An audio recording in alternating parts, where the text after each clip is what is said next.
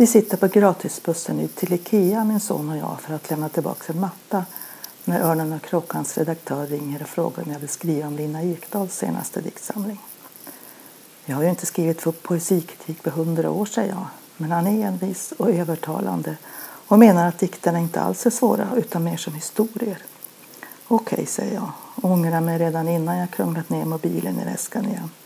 En praktisk väska som gör armarna fria men med ett foder av siden som säger nej till nästan allt jag stoppar i. Jag kan ju i alla fall kolla på dikterna, tänker jag. Sen sitter vi där och forslas ut till Kungens kurva med en tung grå matta som jag ju också ångrat för att den i verkligheten på mitt golv såg ut som en stor grotesk raggsocka fast den var handvävd, eller kanske just därför. En sån där tom, passiv, inåtvänd stund och tankarna liksom lever sitt eget liv, oriktade svävar förbi, vänder tillbaks. En stund av väntan då man kan uppleva omgivningen så sällsamt ny och klar. Föränderligheten, ljuset som växlar, hjulen som rullar, de stretande förortsträden, chaufförens stadiga lugn. Sånt som annars brukar gömma sig för uppmärksamhetsstrålen. Bredvid mig sitter min schizofrene son, ryckig och orolig i kroppen, mumlande för sig själv, totalt innesluten i sin röstvärld där kampen mot de hånande, retande, föraktfulla typerna nästan aldrig tycks ta slut. Men han hjälper mig att bära. Och sen när jag läser Lina Ekdahl tänker jag att hon skriver från just sådana där flytande, besvärjande, vindlande, repetitiva vid sidan av-bubblor som man kan hamna i som passagerare i en buss till Ikea. Hon har ett sätt att prattänk skriva som visserligen, vilket de flesta recensioner av hennes poesi nämner, är släkt med Sonja Åkessons och Kristina Lunds poetiska stilarter men den ekdalska rösten, den lågmält, till synes anspråkslösa, ofta osäkra men ändå enträget hävdande, är alldeles egen. Särskilt om man hört henne läsa sina dikter själv på mjuk göteborgska med räv bakom örat. Jag tycker överhuvudtaget att hennes poesi är mer muntlig än skriftlig, om man nu kan hävda något sånt. Den lyfter när man hör den. Man kan på något vis träda in i hennes universum via örat.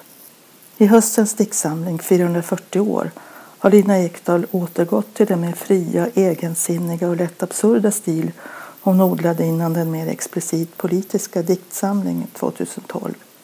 I de dikterna gestaltade hon växande vardagsrasism, mobbing och samtidens uppharklade nyauktoritära moralism ganska sammanbitet och vredgat. Ibland tyvärr en aning plakatigt. Men hon skruvade som sig själv. Citat. Lek inte med språket. Lek inte med språket i munnen. Prata inte med öppen mun. Stäng munnen. Lek inte med munnen. Munnen är ingen leksak.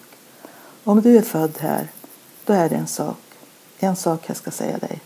Jag ska säga dig en sak. Böj inte orden själv. Dammsugat. Säg inte så. Böj inte. Slutcitat. Den nya diktsamlingen har en grundstämning av vemod och sorg. I den inledande dikten En höstdikt, kort och gott benämnt Frukt, vem tänker väl inte på Södergrans, skalar ett du och ett jag äpplen tillsammans i 440 år. Bakom de indirekta, lite lustifika vid sidan om-utsagorna anar man en smärtsam skilsmässa efter ett långt samliv förmodligen i ett hus omgiven av en trädgård som de två skalarna kött med gemensam möda. Där ute står nu bara grepen kvar.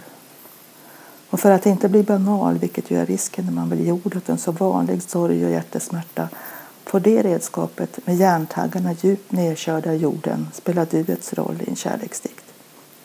Citat. Varför står grepen där, där grepen står? Där, där du ska stå med en spann kära, en spann järnvitriol, en spann kaffe. Med bröstkorgen ska du stå. Genomlyst av solen ska du stå. Genomlyst. Slutcitat. Krisen och sorgen leder till en slags förlamning och diktjaget skrivs allt mer som ett distanserat hon. Citat. Radioapparaten står på, hörs inte. Hon hör inte när de pratar i radion journalisterna, korrespondenterna, nyhetsankarna, nyheterna. Hon hör det gamla, det som inte längre finns, det som har varit, det som inte hörs. Slutcitat. Lina Ekdahl attackerar och gestaltar skilsmässosåret, den ovana ensamheten, livsomvandlingen, kvinnoåldrandet på flera olika originella sätt. Hennes dikter är lite som morristapeter med återkommande gullvivor, kottar, tallar, äpplen, bönor, kantareller eller kaniner. Ett mönster som glesas ut, bryts sönder, drivs isär enligt tillvarons, ja hela kosmos ohjälpliga antropi. Jag kan känna igen mig i det mesta fnissa åt allt det pinsamma gemensamma, till exempel i den trallande monologen Bristen, där kvinnan citat, håller hårt i en brist, för det är det enda hon har, förutom alla andra brister, som sömnbrist, järnbrist, vitaminbrist, socialbrist. Typ citat. Samtidigt som hon andas genom magen och rastlöst och envetet kämpar sig citat, upp för ett berg och ner i en dal, genom ett berg ner i en grotta, slutcitat, och det hela utvecklar sig till en absurd litania på bristningsgränsen. Det är fina, påhittiga och roliga dikter trots dovheten och det förtvivlade läget. Utan att tala abstrakt fångar Ekdal samtidens destruktiva statusvärderingar, dess offer, också själva socialskammen att vara ensam, leva ensam. Men ibland tycker jag att poeten konstrar till det i onödan, blir alltför surrealistisk krumelurig. Men å andra sidan, det är det som är hennes grej. Det bästa numret i samlingen är utan tvekan långdikten Promenad som jag tror är en förkortad version eller kanske prototypen till den suveräna diktnovellen Rent bord som Ekdal fick Sveriges Radios Nobelpris för 2017. Man kan fortfarande lyssna till den musiksatt på SRs hemsida och jag rekommenderar verkligen det. I ljudversionen får man höra Ekdal framföra texten själv med sin mjuka, först artigt krumbuktande men sen allt desperatare eller tjatigare röst. En kvinna ringer till en viss man och föreslår en promenad eller en vandring. Hon har köpt mjuka kängor, lovar smörgåsar, kaffe, tänker ta med sig stickning, kofta, russin. Ett anspråkslöst förslag om samtal, sällskap ute i naturen. Eller en vision, en utopi om det lyckliga livet, varken mer eller mindre. Han verkar inte ha tid. Hon ringer och ringer, försöker och försöker. Det är en rytmisk och musikalisk text, liksom det mesta Ekdal skapar. Hon är ju djävulusiskt skicklig på upprepningar omtagningar som ju också härmar våra vanliga vardagssamtal samtidigt som metoden så tydligt bär fram det ödsligt längtande ropet i kvinnans egoinstängda men envisa propåer.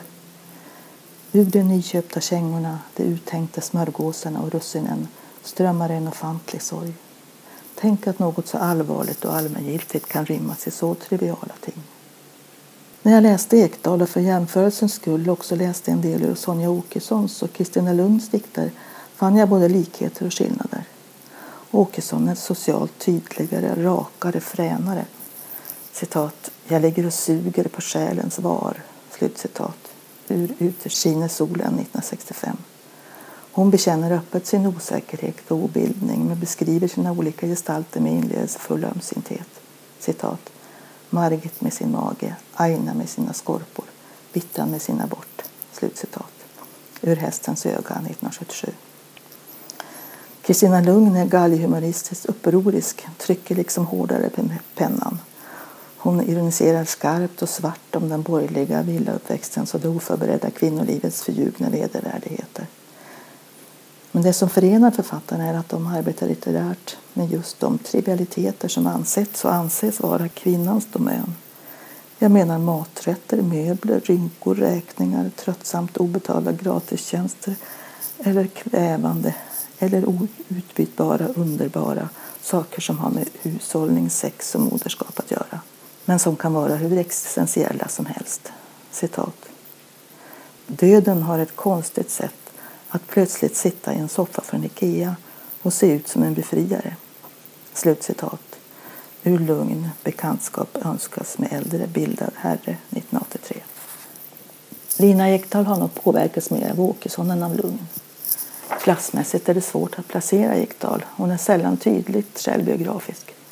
I samlingen Sprid glädje på Sjömansgården Anette från 2007 kan man ana arbetserfarenheter från äldreomsorgen och i de flesta av hennes texter intresserar hon sig för småfolket. Som i den långa uppräkningsdikten Stackars ur diktsamling 2012 som börjar med citat De som bor i Bergsjön och som slutar med De som bor i Asien, träsk, i hyresrätter, i suterränghus. Stackars de som bor i suterränghus. Slutcitat. Ironiskt förstås, men just Ekdals uppräknande listdikter är helt klart inspirerade av Sonja Åkessons många polemiska dito. Om man lägger Åkessons mest kända långdikt, Självbiografi, replik till Ferlinghetti ur Husfrid 1963, den som börjar citat jag lever ett lugnt liv på Drottninggatan 83A på dagarna, snyter ungar och putsar golv. Slutcitat. Bredvid Ekdals besvärjande promenad så framstår dock skillnaderna tydligt. När Åkessons diktberättelse från 1963 flödar över av något som verkar vilja vara uppriktig kvinnobikt med distinkta, emellanåt nästan glatt återgivna sjaskiga minnen, besvikelser, brännskador men med ett överdåd av drastiska reflektioner angående detta numera så lugna bakbundna liv är Ekdals telefonsamtal desto ängsligare. Visserligen använder Ekdal ofta det vaga tompratet, dösnacken och pladdret som metod för att visa på attityderna bakom. Men den samtida kvinnan som söker kontakt i promenad framstår just som så rädd att göra fel att hon liksom krymper sin version av lycka allt eftersom. Det är som om den sviktande självkänslans eviga fegfråga är det någon idé gör henne allt kraftlösare fastän hon är envis som en drunknande klamrar sig fast i mobilen. Åkessons diktjag verkar däremot pigna till av att äntligen få säga sanningen om ett och annat. Ge fräsigt kvinnosvar på tal till dåvarande författarkollegornas idol, bitpoeten Ferlinghetti och härma, eller egentligen parafrasera, hans berömda I'm leading a quiet life in Mike's place every day ur samlingen A Coney Island of the Mind 1958 som nog ansågs universell på den tiden. Fler förnumstiga slutsatser har jag ingen lust att dra. Jag hoppas Lina Ekdahl fortsätter med sin grej.